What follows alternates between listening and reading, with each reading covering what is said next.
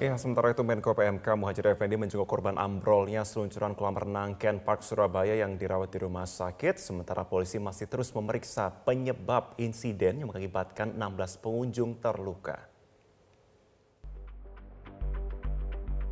Menko Bidang Pembangunan Manusia dan Kebudayaan Muhajir Effendi didampingi Gubernur Jawa Timur Hovifah Indar Parawansa dan Wali Kota Surabaya Eri Cahyadi menjenguk korban ambrolnya seluncuran kolam renang Park Surabaya di RSUD Dr. Sutomo dan RSUD Dr. Suwandi Surabaya. Muhajir mengaku prihatin dengan insiden yang mengakibatkan 16 orang pengunjung terluka. Ia mengimbau kepada para pengelola tempat wisata untuk rutin mengecek kondisi wahana yang mereka kelola, terutama wahana yang memiliki resiko tinggi. Muhajir berharap musibah ambrolnya seluncuran kolam renang Ken Park Surabaya tidak kembali terulang. Insya Allah uh, cukup baik, yang agak berat di sini, tapi insya Allah ditangani dokter-dokter yang sangat kompeten, sehingga mudah-mudahan semuanya uh, bisa terselesaikan dengan baik. Saya hanya menghimbau kepada para pengelola tempat-tempat uh, bermain karena sekarang ini memang sedang terjadi puncak-puncaknya eh, anak-anak dan warga untuk berkunjung ke tempat-tempat rekreasi tolong betul-betul dicek kondisi dari wahana yang dimiliki. Pasca ambrolnya wahana seluncuran air di Kenjeran Park Surabaya, Polres Pelabuhan Tanjung Perak Surabaya dan Polsek Kenjeran Surabaya memasang garis polisi di area pintu masuk. Untuk sementara, area kolam renang ditutup untuk kepentingan penyelidikan pihak kepolisian. Menurut Kapolsek Kenjeran Surabaya, Kompol Yudo Haryono, tim lapor akan didatangkan untuk mencari penyebab pasti ambrolnya wahana seluncuran. Nah, kan sementara karena ada kejadian kemarin tutup total yang berat kami kepolisian kami di sini standby nunggu dari lapor Polda untuk penyidikan lebih lanjut rencana kapan lapor Polda penjara ditutup rencana kalau nggak hari ini ya hari ini Sementara itu, pemerintah kota Surabaya meminta pengelola untuk bertanggung jawab terhadap pengobatan korban hingga pulih. Hal itu disampaikan Wali Kota Surabaya, Eri Cahyadi saat mengunjungi korban di RSUD Dr. Sutomo dan Rumah Sakit Suwanti. Eri juga mengimbau kepada pengelola wisata untuk lebih waspada dan menjadikan peristiwa ini sebagai pembelajaran. Dan manajemen harus bertanggung jawab terhadap hal ini. Juga saya juga meminta untuk semuanya manajemen menanggung semuanya yang pertama, yang kedua juga akan dicek kembali bagaimana hal ini bisa terjadi. Kan lagi lagi sekarang diperiksa oleh oleh Satgas. Data Polsek Kenjeran, 11 orang masih dirawat di RSUD Sutomo dan RSUD Dr. Suwandi. 11 orang yang dirawat mengalami luka patah tulang dan trauma. Sementara itu, lima korban lainnya sudah dibawa pulang karena... Sementara itu, sebuah mobil ambulans ditilang petugas kepolisian lantaran mencoba menerobos sistem one way. Padahal ambulans tersebut tidak membawa pasien, malah membawa pemudik.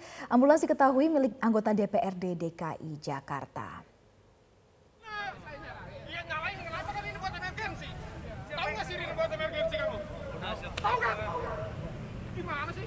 Ini dia pemirsa adu mulut antara polisi dengan pengemudi mobil berinisial MA ini karena supir ambulans tidak kooperatif saat dimintai keterangan. Saat puncak mengalami kepadatan Sabtu kemarin, polisi curiga dengan ulah supir ambulans yang menerobos one way. Setelah dihentikan dan diperiksa, ternyata mobil ambulans ini bodong dan di dalamnya tidak membawa pasien, melainkan membawa warga yang akan berwisata berikut juga dengan perlengkapannya. Setelah ditilang, mobil ambulans tersebut langsung diamankan ke unit Laka Ciawi untuk diproses lebih lanjut. Setelah ditelusuri oleh medcom.id, diketahui ambulans tersebut milik anggota DPRD DKI Jakarta Jamaludin. Jamaludin mengakui ada warga yang meminjam ambulansnya tapi tidak dikatakan tujuannya untuk apa. Carian korban hilang di jalur pendakian Kawah Ijen akhirnya menemukan pendaki bernama Gavila Debi Adrian yang sempat hilang. Ya, korban ditemukan dalam kondisi lemas dan terduduk di celah diduga akibat tidak dapat kembali naik ke atas puncak kawah. Ya, tim SAR gabungan berhasil mengevakuasi korban dengan selamat meskipun kondisinya lemah. Setelah mencapai puncak, korban langsung dinaikkan dengan troli turun ke parkiran Paltuding dengan radius 3 km. Korban mengaku sempat bingung dan pingsan usai mencapai puncak kawah dan bersuah foto. Namun saat ia berpamitan buang air ke rekannya, korban mengaku malah mengantuk. Saat itu juga jejak korban hilang dari rombongan pendaki. Keluarga kemudian melaporkan hilangnya korban ke Mapolsek Ijen Sempol. Dalam keadaan sehat uh, walau sedikit lemah. Evakuasi.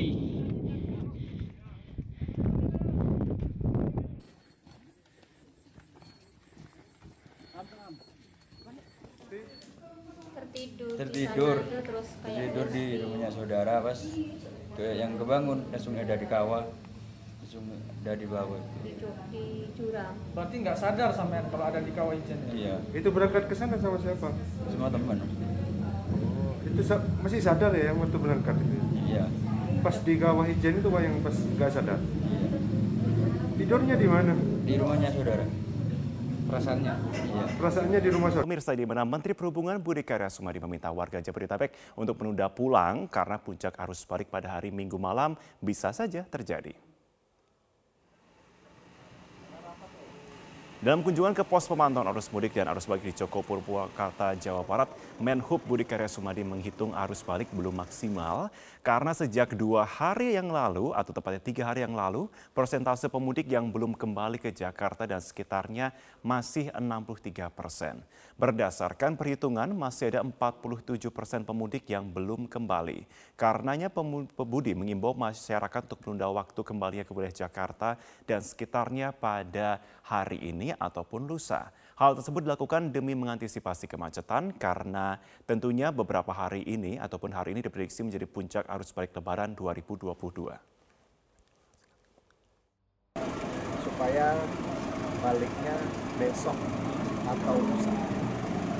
Saya juga tidak bosan menyampaikan bahwa Presiden itu sejak sebelum mudik sudah menyampaikan lakukanlah mudik dan balik itu tidak di masa 9 hari masa liburan. Karena banyak daripada kendaraan di atas 5.000 maka kita berpikir untuk melakukan one. Nanti setelah lebih santai baru kita bagi kontraflow. Jadi itu satu mekanisme yang sudah diberikan guidance oleh itu dan itu menjadi diskresi dari polisi. Mendorong pemulihan sektor pariwisata dan ekonomi kreatif terus dilakukan. Salah satunya dengan kelompok kerja pariwisata atau Tourism Working Group di presidensi G20.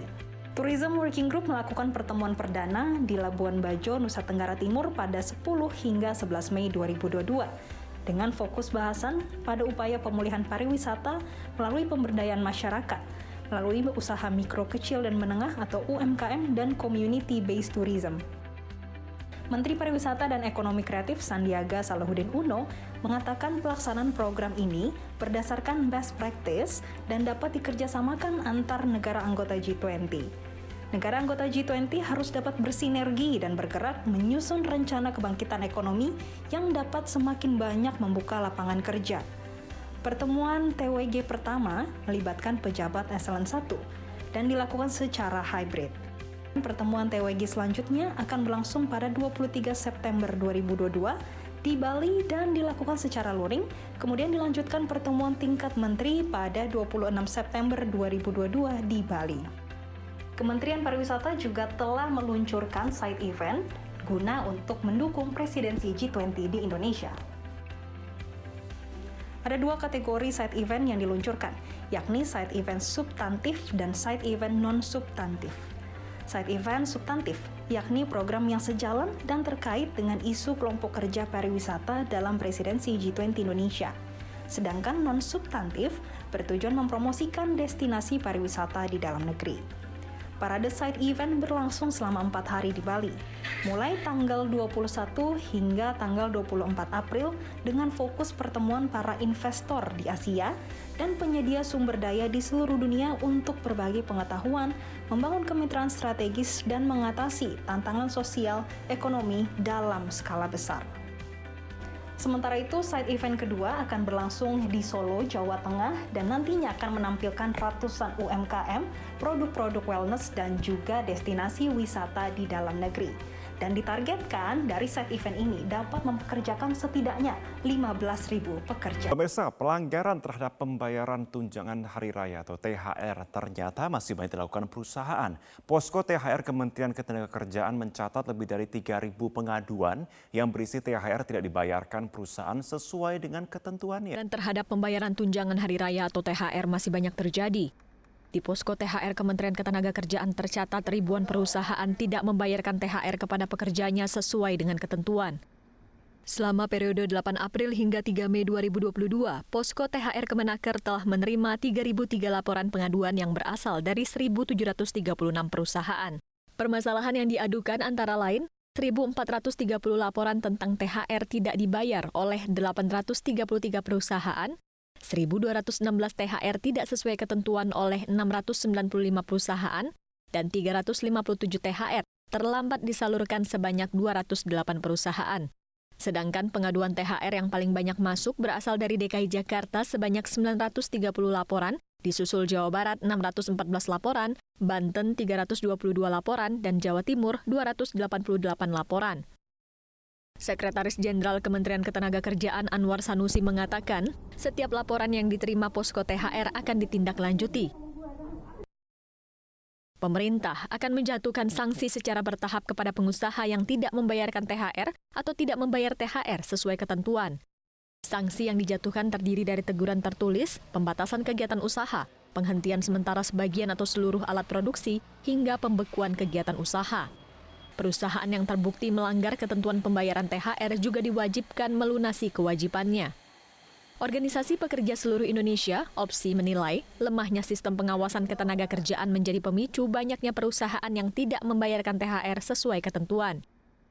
OPSI juga menyoroti berlarutnya penyelesaian pengaduan THR. Pasalnya, hingga saat ini masih ada kasus pengaduan THR yang terjadi tahun lalu, namun belum tuntas penanganannya akibat adanya perselisihan industrial. Bahkan sanksi penutupan perusahaan yang tidak membayarkan THR tidak terlaksana. Sanksi ini, kita juga mengalami kesulitan pelapor ini, pekerja ini terkait dengan apa sih sebenarnya proses yang sudah dilakukan. Kalau nota pemeriksaan itu apakah dikasih ke kita? Ternyata tidak juga. Bagaimana juga proses nota pemeriksaan kedua? Bagaimana juga tentang mekanisme denda? Dan sampai kepada akhirnya pada pelayanan ataupun penutupan sebagian ataupun seluruh usaha. Sampai sekarang faktanya belum ada perusahaan yang ditutup sebagian atau seluruhnya yang melakukan pelanggaran THR ini. Walaupun pelanggaran itu tetap terjadi gitu. Karena logika yang dimainkan oleh pemerintah daerah khususnya dan pusat ya memang kalau ditutup ya perusahaannya tutup akan terjadi PHK, akan terjadi pengangguran. Opsi berharap penanganan THR harus dilakukan secara preventif dengan pendekatan yang dialogis. Kementerian Ketenagakerjaan maupun Dinas Tenaga Kerja di daerah harus mampu mendeteksi lebih awal dengan mengacu pada laporan THR tahun-tahun sebelumnya.